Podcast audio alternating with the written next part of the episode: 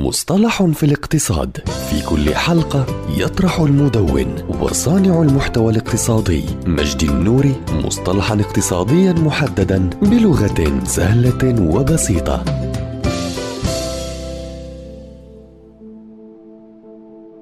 استحواذ عسر الهضم هو مصطلح عام يصف الصعوبات العملية التي قد تواجهها الشركة أثناء التكيف مع عواقب صفقة الاندماج أو الاستحواذ.